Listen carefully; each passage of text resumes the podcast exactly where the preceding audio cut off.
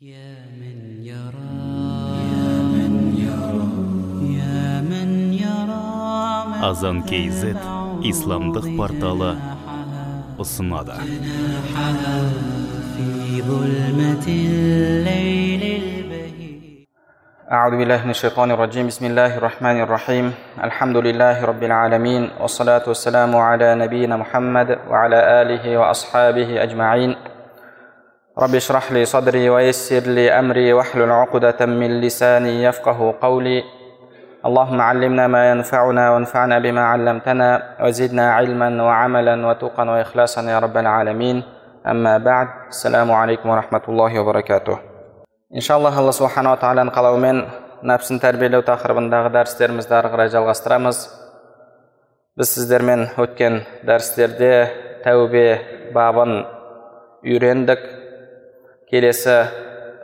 бап бұл китабу сабри ва шүкір яғни сабырлық және шүкірлік бабы. Бірақ тәубе бабынан бір мәселе қалып кетіпті. Иншалла сол мәселені үйреніп одан кейін сабырлық және шүкірлік бабына өтетін боламыз. Тәубе бабында бүгін қарастыратын мәселеміз бұл күнәлардың қандай себептермен ұлғаюы. Яғни сіз бір күнә жасайсыз. Ол күнәңіз тағы да еселенуі көбеюі мүмкін. Қандай себептермен үлкейеді ұлғаяды. Егер ол кіші күнә болса үлкен күнәға айналып кетуі мүмкін. Үлкен күнә болатын болса тағы да бір күнә емес бірнеше күнә сізге жазылуы мүмкін. Тәубе ететін адам осы нәрселерден сақ болуы қажет болады.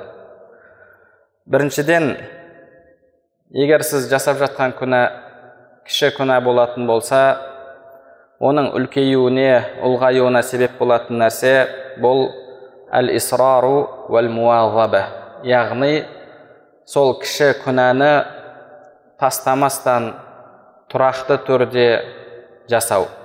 Қайта қайта қайталап кіші күнәні жасай беру. Бұл кіші күнәңізді үлкен күнәға айналдырады.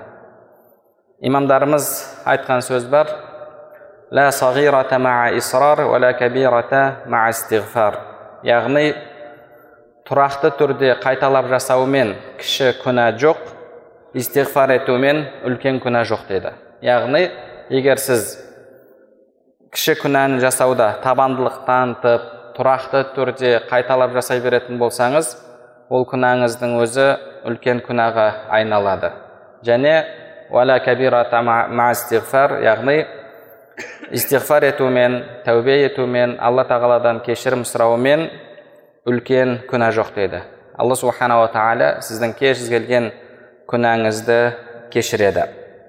Имам абу хамид ғазали оған мынандай бір жақсы мысал келтіреді. Кіші күнәлар тамшылап тамып тұрған су сияқты дейді яғни бір тас тұрады. Тасқа су тамшылап тұрады. Бір тамшы біраз уақыттан кейін тағы бір тамшы тағы бір тамшы осылайша тамшылап тұра береді. Осылай бір ай тамшылап тұрса екі ай тамшылап тұратын болса әлгі тамшылар тасты теседі. Тасты теседі яғни тасқа әсерін береді. Егер сол суды мысалы бір ай бойы тамшылаған суды алып бірден құйып жіберетін болсаңыз тастың үстіне. Мүмкін ол тасқа ондай әсер бермейді. Тасқа тиеді ағып кетеді. Бірақ тұрақты түрде ол тамып тұрған кезде кішкентай бір тамшылап соңында ол тасқа өзінің әсерін берді. Кіші күнәлар да тура сол сияқты. Яғни адам тұрақты түрде істеген кезде ол әсер береді. Ол әсер береді. Және адам көбінше үлкен күнәға кіші күнәлар арқылы барады. Яғни мысалы намаз оқып оразасын тұтып арамнан сақтанып жүрген адамның бірден зинаға түсіп қалуы мүмкін емес демейміз. Бірақ көп жағдайда бірінші кіші себептермен басталады. Ол қарай бастайды жан жағына кейін мысалы бағанағы бір әлеуметтік желіге кіреді біреумен танысады кейін жайлап онымен жазыса бастайды кейін телефонмен сөйлесуге көшуі мүмкін кейін кездеседі оған көңіл бөлмей жүреді бір күн келіп зинаның үлкеніне түсіп қалғанын байқамай қалады көбінше адам үлкен күнәларға кіші күнәлар арқылы барады яғни кіші күнә көп жасай беретін болсаңыз бір жағынан үлкен күнәға айналады екінші жағынан сізді үлкен күнәға жетелейді. Пайғамбарымыз саллаллаху алейхи уассалам өзінің хадис шарифінде хайрул амали амалдардың ең хайырлысы аз болса да тұрақты болғаны дейді. Амалдардың ең хайырлысы аз болса да тұрақты болғаны хадисті имам бұхари мүслімдер келтіреді. Яғни сіз кез келген нәрсені білгіңіз келсе оның екінші қарама қайшы жағын алып келу керек. Екінші қарама қайшы жағын алып келсеңіз кез келген нәрсенің жақсылығын жамандығын күнәсінің ауырлығын жеңілдігін білуге болады. Мысалы иман. Иманның қарама қайшы жағы қандай? Күфірлік яғни күфірліктің қандай ауыр екенін білуге болады. Себебі адамда иман болмаса ол адам жәннатқа кірмейді. Ол адамға жәннат харам болады. Екінші жағы мысалы харам. Харамның екінші жағы парыз. Яғни сіз бір нәрсені білгіңіз келсе оның қарама қайшы жағын алып келетін болсаңыз оның деңгейін біле аласыз. Пайғамбарымыз саллаллаху алейхи уассалам амалдардың ең хайырлысы аз болса да тұрақты болған деді енді осыны күнәларға аударып көріңіз. Күнәларға аударатын болсаңыз қандай мағына шығады? Күнәлардың жаманы кіші болса да тұрақты болғаны деген мағына шығады. Себебі бір жағынан адам күнәға үйреніп қалады екінші жағынан бұл адамды үлкен күнәларға алып барады. Сол үшін де имамдарымыз айтады яғни кез келген үлкен күнәні үлкен күнәнің алдында бірінші кіші күнәлар болады дейді. Кіші күнәлар болып одан кейін үлкен күнәға ары қарай жалғасады. Және оның артында да тағы да кіші күнәлар болып жатады. Екінші сіздің күнәңізді үлкейтетін нәрсе мейлі ол кіші күнә болса да яғни жасаған күнәңізді болмашы күнә деп білу болмашы көру. Бұл кіші күнә ғой бұл ләмәм ғой бұл анандай ғой бұл мынандай ғой деп жасаған күнәңізді аз болмашы күнә көру. Бұл негізі мұнафиқтердің кәпірлердің сипаты. Пайғамбарымыз саллаллаху алейхи уассалам өзінің хадис шарифінде мұнафиқ адам өзінің күнәсін мұрнына қонған шыбын сияқты көреді деді мұрнына қонды ол қолымен оны үркітіп ұшырып жіберді ешкім мұрнына шыбын қонған кезде айқай салып ойбай мұрныма шыбын қонды құтқарыңдар деп ол жерде бір шу шығармайды оны болмашы нәрсе көреді мұнафиқ адам кәпір адам күнәсін тура солай көреді ал мұсылман адам пайғамбарымыз саллаллаху алейхи айтады күнәсін тура бір төбесінен төніп тұрған қазір құлап басып қалатын тау секілді көреді дейді. Тау секілді көреді. Яғни кез келген күнәні сіз болмашы күнә көретін болсаңыз ол күнә алла тағаланың алдында көбейеді алла тағаланың алдында үлкейеді. Сол үшін де имамдарымыз айтады қайсы бір жақсы амалды сіз аз көретін болсаңыз ол амал алла тағаланың алдында иншалла сауабы көп болады дейді. Яғни бұл болмашы мен алла тағаланың ұлықтығына лайық түрде құлшылық жасай алмай жатырмын деп мысалы ақшаңыздың тең жартысын алла жолында садақа етіп беретін болсаңыз алла тағала маған берген дүние ғой алла тағаланың жолына жұмсап жатырмын мен тағы да жартысын алып қалып жатырмын деп жасап жатқан ісіңізді аз көретін болсаңыз иншалла ол ісіңіз алла тағаланың алдында сауабы еселене түседі. Ал егер жасаған күнәңізді қанша үлкен көретін болсаңыз кешіресіздер жасаған сауап амалыңызды қанша үлкен көретін болсаңыз ой мен керемет іс жасап қойдым. Бағанағы оң жағындағы періште жазып үлгере алмай жатқан шығар бірнеше парағым толып қалған шығар. Ә, немесе бағанағы егер қазіргі заманауи тілмен айтатын болсақ мына күнәларым мына жақсы амалдарым жазылғанда бағанағы он гигабайт 15 гигабайт толып қалған шығар деген секілді ойда болатын болсаңыз ол ісіңіз алла тағаланың алдында керісінше азая береді. Күнә тура сондай. Күнәні қанша алла тағаланың алдында үлкен деп білесіз сол күнәңіз үшін қиналасыз ол күнәңіз иншалла алла тағаланың алдында кішірейеді. Және күнәңізді сіз үлкен көрген сайын жүрегіңіздегі қорқыныш ұлғая түседі жүрегіңіздегі өкініш тағы да көбейе түседі бұл сіздің көбірек истиғфар етуіңізге көбірек тәубе етуіңізге алып келеді ал егер керісінше жасаған күнәңізді аз көретін болсаңыз болмашы көретін болсаңыз е бұл болмашы ғой иншалла қазір аср намазы келеді аср намазын оқып аламын пайғамбарымыз саллаллаху алейхи уассалам бағанағы екі намаздың арасында жасалған күнәлар келесі намазбен жуылып кетеді каффарат болады деген жұма намазды оқып болып мына күнәлардың барлығын иншалла жұма намазын жуып шайып жіберді ғой бұл болмашы күнә ғой деп ойлайтын болса ол күнә керісінше алла тағаланың алдында үлкейе береді. Сол үшін де кейбір имамдарымыздан келетін сөз бар.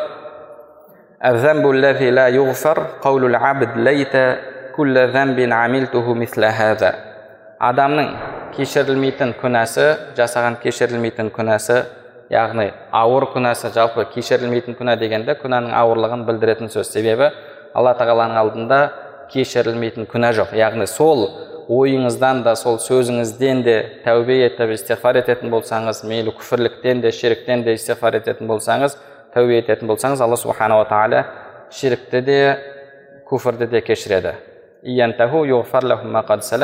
Егер адамдар әлгі істеп жатқан ісінен тыйылатын болса алдыңғысы кешіріледі дейді. Яғни тәубе етіп алла тағаладан кешірім сұрайтын болса. Енді адамның ең жасайтын үлкен күнәсі дейді немесе бағанағы кешірілмейтіндей сондай үлкен күнәсі бұл кез келген жасаған күнәм осы күнәм сияқты болса еді деген сөзі дейді. Кез келген күнәм жасаған осы күнәм сияқты болса еді деген ойы немесе сөзі дейді яғни бұл деген сіз әлгі күнәні болмашы күнә көресіз сондай болмашы күнә көресіз айтасыз иә мен басқа күнәларым барлығы осы күнә сияқты болса ғой дейсіз. Бұл дегеніңіз сіз әлгі күнәні бір болмашы сондай яғни еш нәрсе тұрмайтын бір шаңның тозаңындай күнә көріп жатқаныңызды білдіреді. Жалпы дінімізде күнәлар үлкен күнәға кіші күнәға бөлінетіндігі ақиқат құранда алла субханала тағала ол жайында айтады. Бірақ ол деген яғни адам күнә жасап алып е бұл болмашы күнә ғой бұл кіші күнә ғой деп жүруге болады деген сөз емес. Дінімізде ол бөлінеді бірақ сізге шайтан осы есіктен кірмеуі керек. Осы есіктен кіріп жасап жатқан күнәларыңызды кіші күнәлардың қатарына қосып қойып ә, жай барахат көңіліңіз тыныш жүруіне болмайды. Сіз бұлай жасайтын болсаңыз онда сіз шайтанның құрығына шайтанның алдауына түскен адам болып есептелесіз. Алдыңғы кітаптарда келеді алла субханала тағала пайғамбарына уахи етіп айтты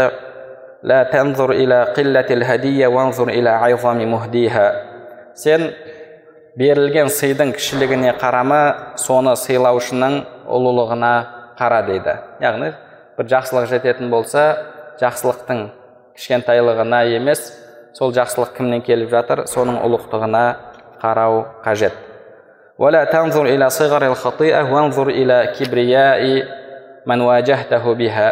Және жасаған күнәңнің кішілігіне қарама кімнің алдында сол күнәні жасап жатсың соның ұлықтығына қара дейді яғни адам күнә жасаған кезде кімнің алдында күнә жасап жатыр алла субханала тағаланың алдында күнә жасап жатыр адам соны ойлайтын болса онда міндетті түрде ұялады міндетті түрде ол адам қиналады алдыңғы пайғамбарымыз саллаллаху алейхи вассаламның сахабаларынан келетін сөз бар ол кісілер айтқан бұл әбу саид худри радиаллаху анхуден де келеді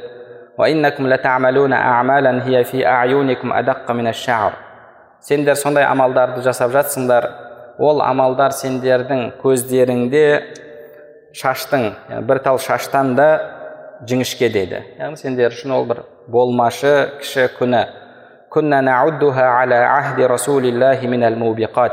біз пайғамбарымыз саллаллаху алейхи уассаламның дәуірінде сол істерді мубиқат яғни адамды құртатын үлкен күнәлардан деп есептейтін едік дейді. Яғни бұл әлбетте адамның жүрегіндегі иманына байланысты нәрсе. Сіздің жүрегіңізде алла қанша ұлы болады кіші күнәңіз сонша алла тағаланың алдында үлкен күнә болып сізге көрінеді. Сіз ол күнәңіз үшін ұяласыз ол күнәңіз үшін қиналасыз келесі адамның күнәсін тағы да үлкейтетін іс бұл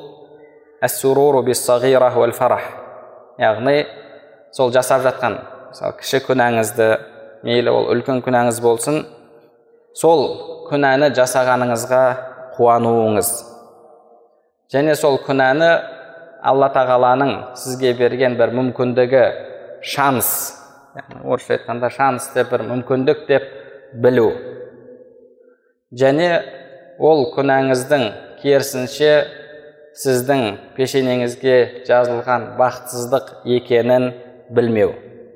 Адамның жүрегінде күнәнің ләззаты қанша ұлғаяды қанша күшейеді ол күнәнің көлемі соншалықты ұлғаяды және соншалықты сіздің жүрегіңіздің қараюына әсерін береді яғни мысалы бір жігіт бір вечеринкаға барды досы бара алмай қалды досы бара алмай қалды ертеңнен келіп айтып жатыр е сен бара алмай қалдың кеше ол жерде анандай не болды өте сұлу қыздар болды үйттік бүйттік деп анау жанындағы отырған бейшара бағанағы іші күйіп қиналып бара, бара алмай қалғанын бір қасірет көріп жатыр. Ал мынау болса өзінің барғандығына қуанып яғни бір үлкен бір мүмкіндік болды оған. Бір сондай бір керемет сәт болды деп біліп сол күнәні жасағанына қуанып жатыр. Сол күнәсін яғни басқаға айтып мақтанып жатыр. Бұл адамның жасаған күнәсінің тағы да ұлғаюына тағы да көбеюіне себеп болады. Ол керісінше бармаған адамды алла тағала сенен бір жамандықты кетірді осы бір жамандықтан сені сақтап қалды деп керісінше оған қызығуы керек. Өзін яғни шайтанның құрығына түсіп шайтанның арбауына түсіп сол күнәні жасап қойғанын сезініп өкінуі қажет. Ал бізде өкінішке орай көп жағдайда керісінше болады. Әлгі жігіт мәз болып келіп бұндай вечеринка көрген емеспін бекер бармадың көп қызықтан құр қалдың деген секілді сөздерді айтады. Және өзін бір керемет мүмкіндікке ие болған адам ретінде көреді. Бұл да адамның күнәсін тағы да ұлғайтады. Келесі адамның күнәсін үлкейтетін амал бұл алла субханала тағаланың бұл адамды жасырғанын алланың бір бұған беріп жатқан мүмкіндігі алланың жақсылығы деп есептеу. Алла субханала тағала адамға мүмкіндік береді. Тәубе етуіне жасаған күнәсіне истиғфар айтуына көп жағдайда алла тағала адамды бірден әшкере етпейді. Бірде али радиаллаху анхудың алдына бір адамды алып келеді күнә жасаған үлкен күнә жасаған ұрлық па еді анық есімде жоқ. Сонда әлгі адам айтады мен бірінші мәрте жасап тұрмын бұны деді али радиаллаху анху айтады сен бірінші мәрте жасап тұрған жоқсың деді бірінші мәрте жасап тұрған жоқсың алла тағала алдын саған мүмкіндіктер берді алла тағала пендесін бірден әшкерелемейді бірақ сен алланың сол сені жасыруын яғни жолын болу деп есептедің. Мысалы бір жерге барып бір нәрсе ұрлады ұрлығы оның көзқарасында сәтті өтті ешкімге ұсталмады ешқандай артында бір ә, әсер қалмады. Бұл оны керемет болды жолым болды деп есептеп жатыр. Және керісінше алла тағаланың оны жасырып жатқанын оған мүмкіндік беріп жатқанын тәубе етуге ол оны ойлап жатқан жоқ. Адам егер алла тағаланың жасыруын мүмкіндік беруін керісінше яғни сол күнәні жасауға бір сәттілік сол күнәні жасауға алла тағаланың бір жеңілдігі деп ойлайтын болса бұл да әлгі күнәнің үлкеюіне алла тағаланың ұлғай, алдында ұлғаюына себеп болады. Келесі күнәні үлкейтетін нәрсе бұл күнәні жасап болғаннан кейін сол күнәні басқа адамдарға айту басқа адамдарға айтып мақтану. Күнәні жасау өз алдына күнә болатын болса оны басқаға айтумен сіз тағы да күнә жасап жатсыз. Күнә жасадыңыз.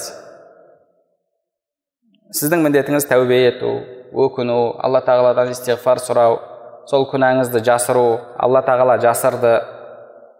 Ал енді бір адам өкінбейді керісінше келіп сол істеген ісін басқаға айтады. Алла тағала бұны жасырып тұр бұл болса келіп өзін әшкерелеп жатыр. Пайғамбарымыз саллаллаху алейхи уассалам хадис шарифінде менің үмметімнің барлығы барлығының күнәсі кешіріледі иллал мужахирин күнәләрін жария етушілерден басқаларының дейді. Күнәләрін жария етушілердің күнәсін алла тағала кешірмейді дейді ол түнде бір күнә жасайды алла тағала оны жасырады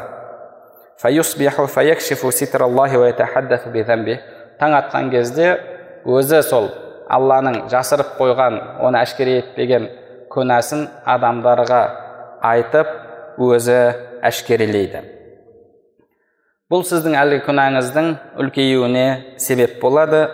Әсіресе егер сіздің айтуыңызбен естуші адамның жүрегінде қызығу пайда болып оның жүрегінде де сол күнәға деген бір қалау пайда болып сіздің себебіңізбен күнә жасайтын болса онда сіз әлгі адамды естушіні жамандыққа бұйырған жамандыққа шақырған адам болып саналасыз.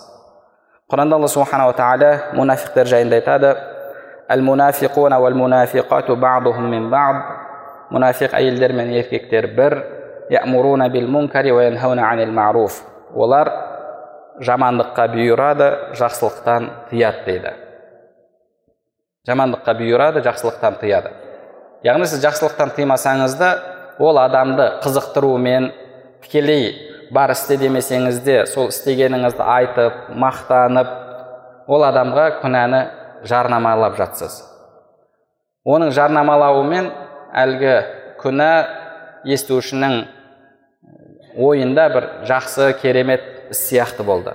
Бір жерге барып мысалы бір күнә жасап келдіңіз мына жерге бардым мынандай бар екен мысалы біреулер барып таиландқа барып келеді да таиландқа бардым таиландта мынандай нәрселер бар екен мынандай бар екен деп немесе қытайға барып келіп бағанағы сол жақта көрген бір жаман істерін мақтанып айтып керемет екен анаусы керемет екен моншасы керемет екен деп осылайша басқа біреулерге істеген күнәсін жарнамалайды оны естіген адамның жүрегінде қалау пайда болады мен де барып соны көрсем екен қандай екен оған бір сол нәрсе бір қызық болып тұрады кейін барып жасаса сіз соған себепші болған адамдардың қатарында боласыз. Сол үшін де күнә жасадыңыз ба? Енді пайғамбар саллаллаху айтқандай күллі бәни адама адам баласының барлығы қателесуші. Кейде сіздің жүрегіңізде күрес кетті бағанағы жақсылыққа шақырушы сіздің денеңіздегі немесе сіздің жүрегіңіздегі Э, сол жақсылыққа бұйырушы бір күшпен жамандыққа бұйырушы нәпсіңіз бен шайтанның арасында. Сонымен әлгі жамандыққа бұйырушы тарап жеңіп кетті. Сөйтіп сіз күнә жасап қойдыңыз. Күнә жасадыңыз ба? Тәубе етіңіз. Алла тағаладан истиғфар сұраңыз күнәңіздің кешірілуін сұраңыз және күнәңізді ешкімге айтпаңыз. Ешкімге айтпаңыз. Егер айтатын болсаңыз онда ол күнәңіз тағы да ұлғая түседі. Ол күнәңіздің кешірілмейтін күнәлардың қатарына қосылып қалуы мүмкін. Келесі адамның күнәсін ұлғайтатын үлкейтетін нәрсе бұл күнәні жасап жатқан адам ғалым болатын болса бір мешіттің имамы болатын болса діни қызметкер болатын болса адамдар оны үлгі көретін адам болса және ол адам әлгі күнәні жасайтын болса сол күнәні жасауы басқа адамдарға ақталу болатын болса соны өздеріне құжат етіп жатса бұл әлгі адамның күнәсінің үлкеюіне себеп болады.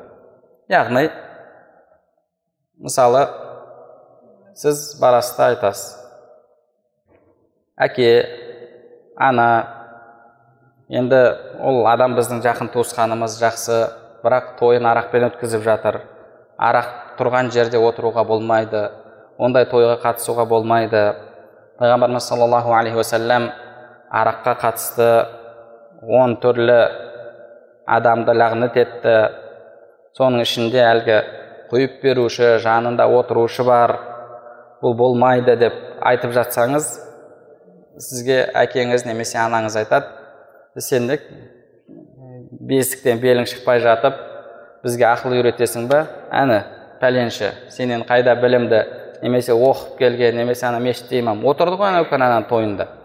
Тойында отырды ғой. Оның алып отырған жерінде столында арақ болған жоқ. Ә, бастысы сол емес пе? Не сен келіп бізге ақыл үйретесің. Содан білімді болып қалдың ба? Содан білгіш болып қалдың ба?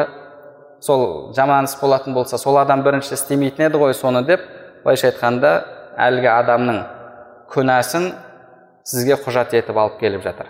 Яғни әлгі имам немесе әлгі молда әлгі діннің қызметкері қандай күнә алып жатыр алла тағаланың алдында? Себебі адамдар жалпы дін саласында жүрген адамның мейлі ол діни қызметкер болу шарт емес.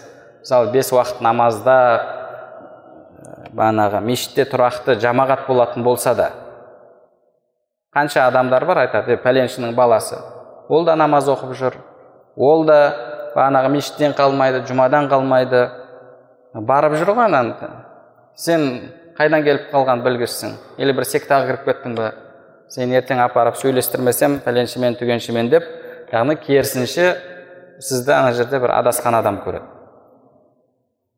Мен діни қызметкер емеспін. Мен бағана мешітте қызметтегі адам емеспін. Маған бола береді деп ойлау немесе мен басқаларға үлгі болмаймын деп ойлау бұл да қате. Жалпы бізде қазақта сондай нәрсе бар ғой жұрттың балалары деген. Жұрттың балдары жақсы жұрттың балдары керемет. Жұрттың балдары кім десең енді аллаху әлем бірақ ана жұрттың балдары ана пәленшінің баласы түгеншінің баласы үйтіп жатыр ғой бүйтіп жатыр ғой яғни жамандық жасап жатқандарын көрмейді тек қана жақсылық жасап жатқандарын немесе әлгіндей күнәні жасап жатқандарды керек кезде көріп қалады да соны өздеріне құжат етіп алады. Соны істеген адам қанша күнә алып жатыр.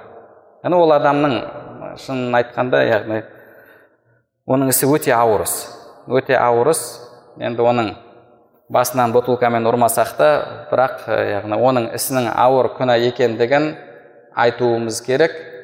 Және ешқандай имамның ешқандай молданың ісі бұл нәрседе бізге құжат болмайды.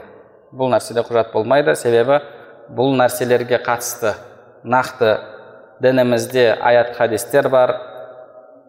Және әлгі күнәға күнәні әшкере жасап адамдарға бір құжат болып жатқан адамның алланың алдындағы күнәсі өте ауыр өте ауыр. Адамдар дін саласында жүрген адамға қатты сондай бір бақылаумен қарайды. Оның әрбір ісін кейде өздеріне құжат етіп алып жатады. Басқа саланың адамдары ондай емес. Басқа салада мысалы бағанағы химик болатын болса физик болатын болса ол мейлі ішсін мейлі бағанағы тағы басқа нәрсе істесін. Оның істеп жатқан істеріне адамдар көңіл бөлмейді. Көңіл бөлмейді. Және ол өзінің саласында сөйлеген кезде адамдар одан ала береді. Айтып жатқан сөзін. Е бұл алқаш деп оның сөзін тастамайды. Және оның сөзін өздеріне құжат етпейді. Ал бірақ дін саласында жүрген адам жаман істейтін болса күнә істейтін болса бір жағынан оның сөзін тастайды адамдар. Екінші жағынан әлгі өзіне құжат іздеп жүрген өзіне бір ақтау іздеп жүрген адам соның ісін өзіне дәлел етіп алады. Имам абу айтады қайсы бір адам өліп өлуімен күнәлары бірге өлетін болса бұл адам бақытты адам деді бұл адам бақытты адам. Яғни салыстырмалы түрде алғанда. Бақытсыз адам өзі өлгенімен күнәсі өлмей ары қарай жалғасып тұрған адам дейді.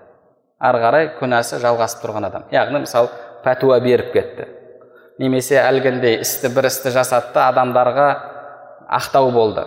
Пәленше міне теледидардан шықты. Мына сөзді айтты. Немесе мынандай жиында болды. Оның видеосы жүр оның айтқан сол жерде сөзі жүр. Адамдар соны өздеріне құжат етіп жасап жатыр. Бұл бейшара өзі өліп кеткенімен артынан күнәсі жалғасып тұр. Артынан күнәсі жазылып тұр. Пайғамбарымыз саллаллаху алейхи уассалам өзінің хадис шарифінде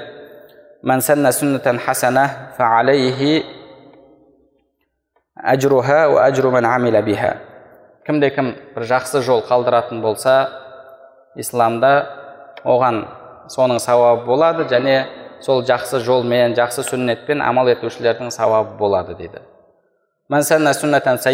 Енді кімде кім бір жаман сүннет қалдыратын болса жаман жол жаман әдет әлгіндей ісімен басқа біреулерге ақтау болып қалды ақталу болып қалды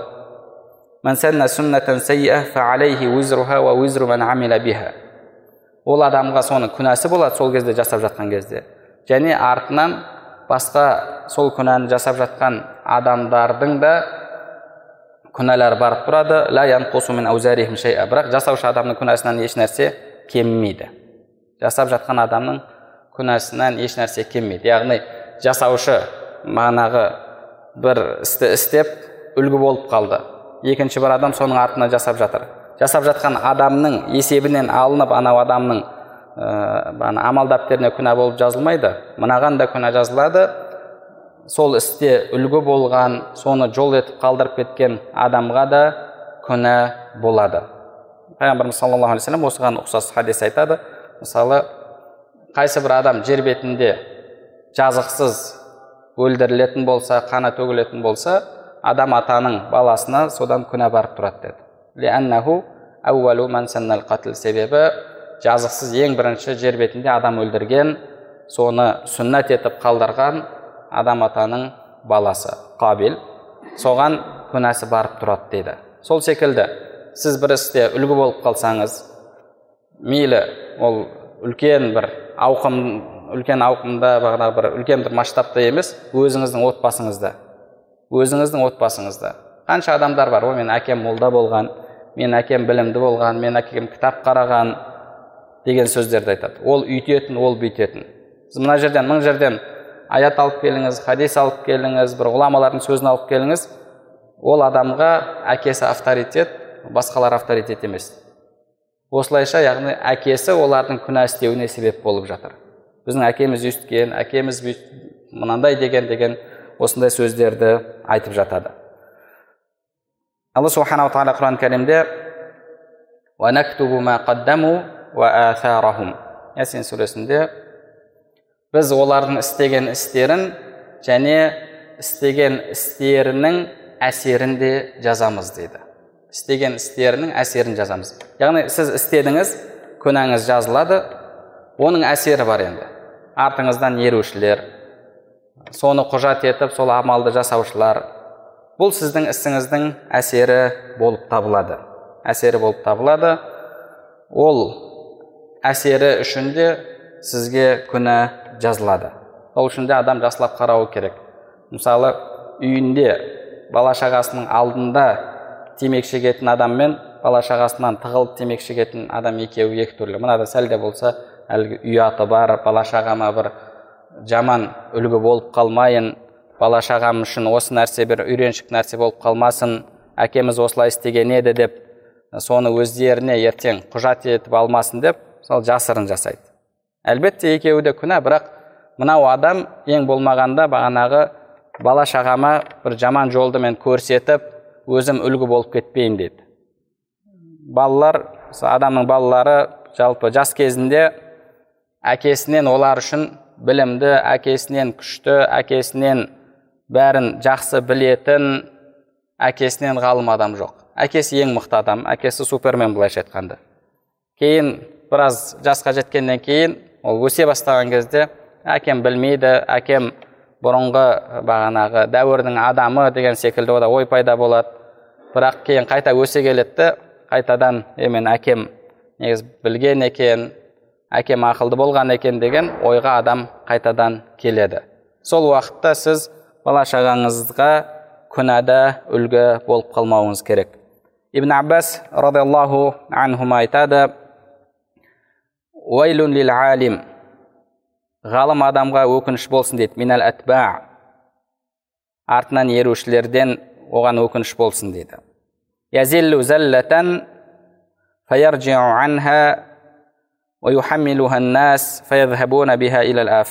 яғни ол өзі бір күнә жасайды қателеседі бірақ кейін одан қайтуы мүмкін адамдардың арасында сол нәрсе тарап кетті адамдар соны жан жаққа таратып жатыр бұндай кезде алла субханала тағала құранда айтқандай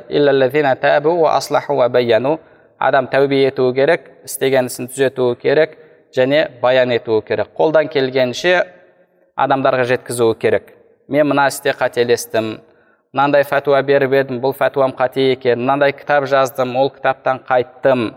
Ол кітапта мен дұрыс нәрсе айтқан жоқпын. Оны бір саясаттың себебімен немесе біреулердің разылығы үшін жаздым деген секілді осы нәрселерді айтып қанша қиын болса да адам алланың алдында өзін тазартуы қажет. Олай жасамайтын болса егер күнәсі басқаларға әсер ететін күнә болатын болса онда баян етпегеннен кейін адамдар сол пікірмен сол кітаппен амал ете береді.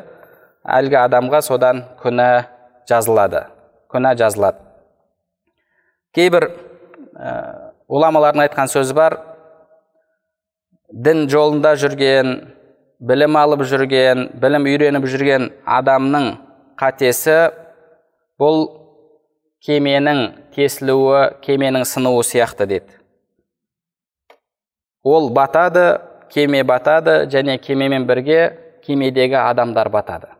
Яғни ғалым қателессе жалғыз өзі қателеспейді оның артынан қанша ерушілері бар олар бірге қателеседі бірге күнәға батады. Олардың күнәға батуына себепші болып жатқан әлбетте сол адам болып табылады. Бұл да адамның күнәсінің көбеюіне себеп болатын амалдардан. Қолдан келгенше адам осы істердің барлығынан арылуы қажет.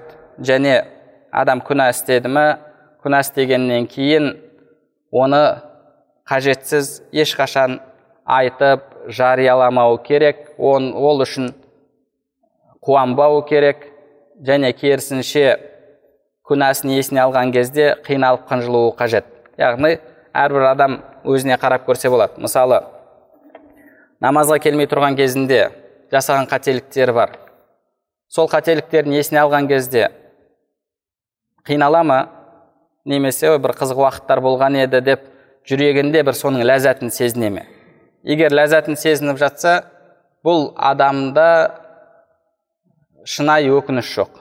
Себебі шынайы өкініш сол істі ойлаған кезде сізді қынжылтады сіз сол күнә есіңізге түскен кезде қиналасыз. Ал жүректе сол күнәнің ләззатын сезінумен қиналу екеуі қосылмайды. Сіз сол күнәңіз үшін қуанасыз ба? Сол күндеріңізді сағынасыз ба? Немесе сол күндеріңіз үшін қиналасыз ба? Адам өзіне қарап өзін тексеріп көруі қажет. Және одан кейін ешқандай бір мұқтаждықсыз жәһил кезімізде деп алдына бір ставкаларды қойып ешқашан адам өзінің күнәсін айтпауы қажет. Қажеттік жоқ па? Ол сіздің жәһіл кезінде не жасаған жәһіл кезіңізде не жасағаныңызды білгенде не пайда? Не үшін айтып жатсыз ол нәрсеңізді? Субханалла жәһіл кезімізде деп қойды субханалла жәһіл кезіңде болса онда айтпа не қыласың айтып? Болды. Алла тағаладан кешірім сұра тәубе ет. Және ол бетті ешқашан қайтып ашпа сол кезде иншалла алла субханала тағаланың алдында ол күнәларың үлкеймейді. Керісінше ол күнәларың иншалла жуылып шайылады. Алла тағала бәрімізді иншалла сондай шынайы тәубе еткен күнәнің жүрегінде әшілігін сезінетін пенделерінен етсін. Алла субханала тағала бәрімізге пайдалы білім нәсіп етсін білімдерімізге амал етуімізді және амалдарымыздың қабыл болуын нәсіп етсін.